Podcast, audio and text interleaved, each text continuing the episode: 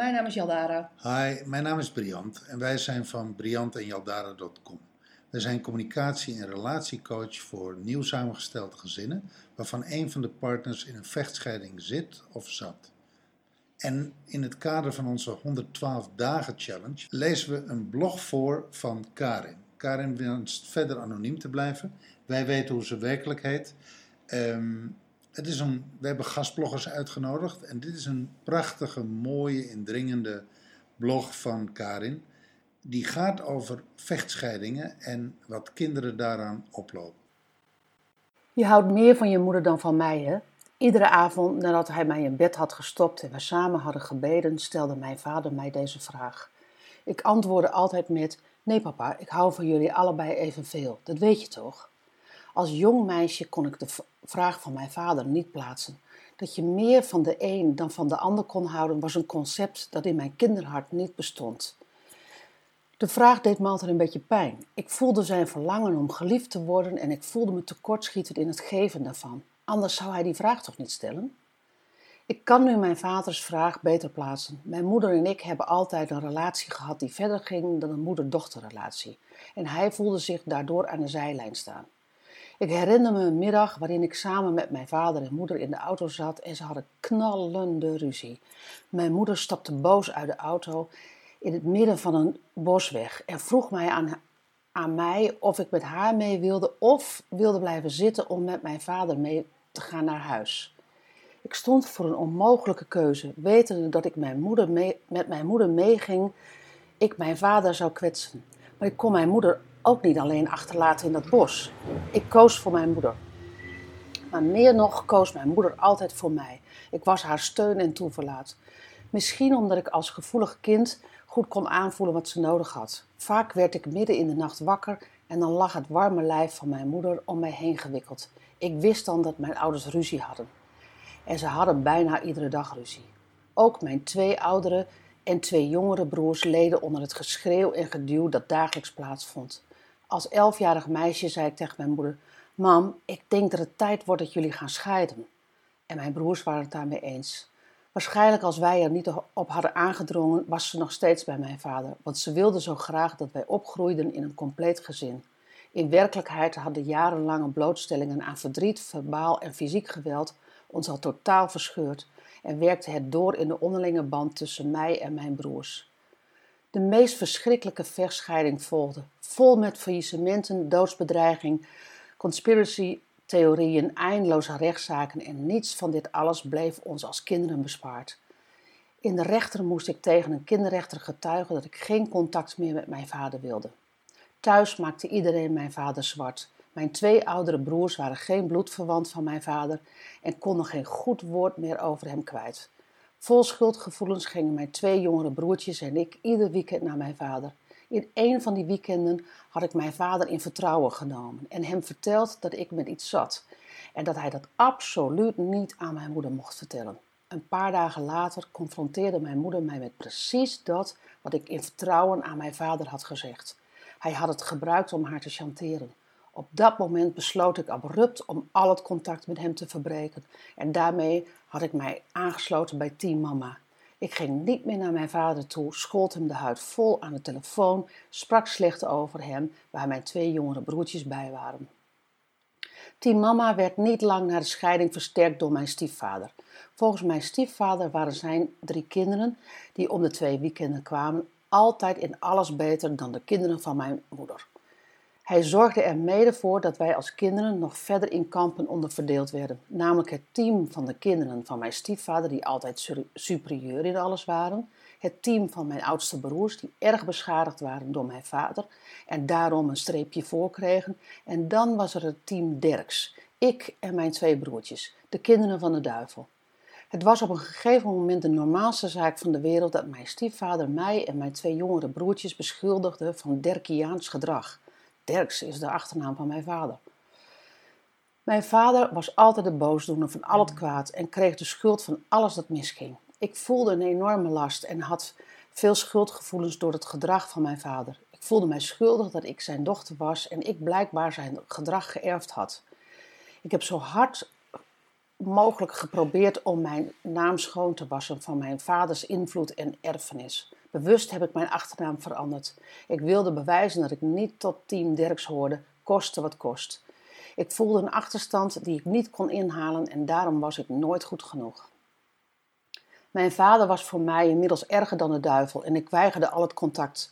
Mijn twee jongere broertjes bleven mijn vader bezoeken. Ging naar Disneyland, kreeg computers, playstations, dure horloges en van, van dat alles kreeg ik niks. Mijn moeder zei stevast: Gelukkig heb ik jou de klauwen van je vader kunnen houden. En altijd als ze dat zei, dacht ik: Dat heb ik zelf gedaan hoor. Ik was trots op die beslissing.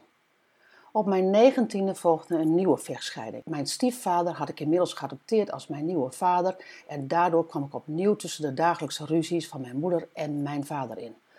Vaak trad ik op als relatiecoach, ging na een ruzie met beiden praten, vroeg naar hun problemen en gaf ze dan advies.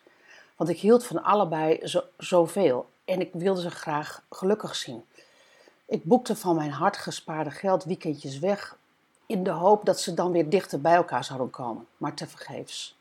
Opnieuw volgden faillissementen, abrupte verhuizingen, achtervolgingen, moeten schuilen en rechtszaken. In de rechtbank vertegenwoordigde ik team mama en dit keer vochten we tegen team stiefvader. Die dag toen ik mijn stiefvader in de rechtszaal zag en hij opeens ook de duivel was geworden, brak mijn hart.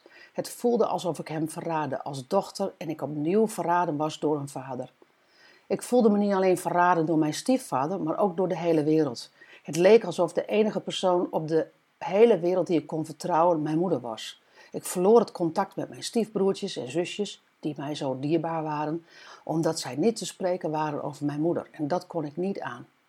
Het zwaarste jaar uit mijn leven volgde. Een jaar waarin ik geen dochter meer kon zijn. Ik werd echtgenoot van mijn moeder, tweede moeder van mijn broertjes en vaak zelfs moeder en adviseur van mijn moeder. Nauwelijks meer wetende wie ik zelf was, sleepte ik mijn moeder door een zwaar overspannen periode heen. Mijn oudste broers hadden het contact al lang met mijn moeder verbroken en het voelde alsof alles op mij neerkwam.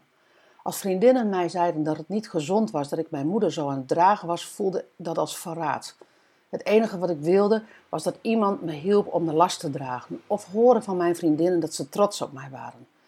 Inmiddels was ik zo gewend aan mijn rollen dat ik niet meer zag wat er fout aan deze relatie was. Nu, 13 jaar na de scheiding van mijn vader en moeder, vind ik het nog steeds zwaar om te bevatten dat dit het gezin is waar ik uitkom. Mijn vier broers hebben allemaal ruzie met elkaar. Sommige van mijn broers willen mij niet spreken omdat ze vinden dat ik mijn moeder napraat. En ik geef ze geen ongelijk. Tot voor kort verdedigde, verdedigde ik mijn moeder als een leeuwin.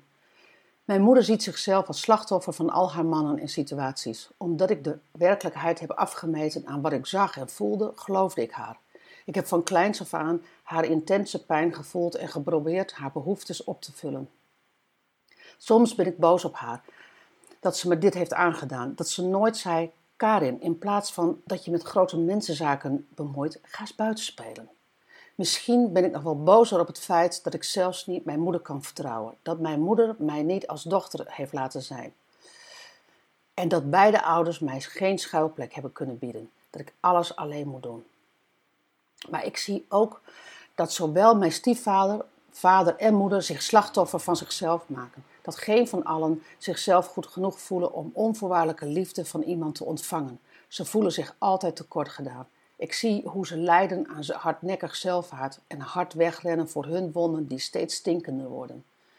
Vaak zie ik het kleine meisje in mijn moeder dat zo naar liefde hunkert. En dan moet ik slikken, want ik weet dat ik die liefde nooit aan haar kan geven. God knows I tried. Mijn vader en mijn stiefvader konden die liefde ook niet aan haar geven. Niet omdat ze geen liefde te geven hadden, maar omdat mijn moeder een bodemloos gat voelt dat niemand voor haar kan vullen. Een gat dat ze eerst zelf moet helen. En ik zie hoe onvolwassen mijn moeder in veel dingen is. Ik kan haar daardoor ook vergeven. Pas toen ik dat inzag, kon ik eindelijk beginnen alle rollen die ik heb aangenomen van me af te schudden. Het is niet mijn taak om haar in relaties te coachen, om haar te bemoederen, om haar financieel te ondersteunen, om haar lasten op mijn schouders te dragen. Dat zal ze zelf moeten doen. Net zo goed moet ik dat ook zelf doen. Daarna heb ik met al mijn broers en zussen opnieuw contact opgenomen. Het was heel fijn om, om weer herenigd te zijn met mijn stiefbroers en zussen. Ik heb me verontschuldigd naar mijn broertjes toe dat ik onze vader zo vaak zwart heb gemaakt. Ook heb ik contact opgenomen met mijn vader en we bellen elkaar nu af en toe. Hij is blij dat ik weer terug ben. Het blijft moeilijk, want zowel mijn vader als mijn moeder zitten nog altijd in het patroon van slachtoffer zijn. Geven elkaar de schuld van hun ongeluk en dat uiten ze verbaal ook naar hun kinderen. Ze zijn niet eerlijk in hun communicatie en maken elkaar nog zwart en nemen geen verantwoording voor hun daden. Ik zie dit gelukkig nu en kan daardoor ook aangeven wat ik wel, waar ik wel en niet over wil praten. Ik stel nu mijn eigen termijnen aan het contact en probeer het drama zoveel mogelijk te vermijden. Het is een training in me niet meer schuldig voelen. Wat ik ook inzie, dat hoe mijn ouders hun leven leiden, niet mijn leven hoeft te zijn. Dat is hun werkelijkheid. Ik kan mijn eigen werkelijkheid creëren. Een werkelijkheid met gezonde relaties, zonder chantage, fysiek geweld, manipulatie en drama. Het gaat vast nog wel even duren voordat ik echt bevrijd ben van alle schuldgevoelens die ik in de afgelopen jaren verzameld heb. Maar ik kies er bewust voor om niet de fouten van mijn ouders te herhalen. Vaak ben ik verdrietig als ik denk aan mijn broers en als ik zie hoe ze worstelen met hun pijn. Ik wil ze helpen en weet ook dat ze dat zelf moeten doen. Ik denk dat ik ze het beste help door de deur altijd voor ze open te houden. Mijn eigen verdriet en schuldgevoelens te helen en een zo gelukkig mogelijk leven te leiden. Ik hoop dat ze net als ik inzien dat iedereen zijn eigen werkelijkheid kan creëren en dat je geen slachtoffers van je ouders onvolwassenheid hoeft te blijven.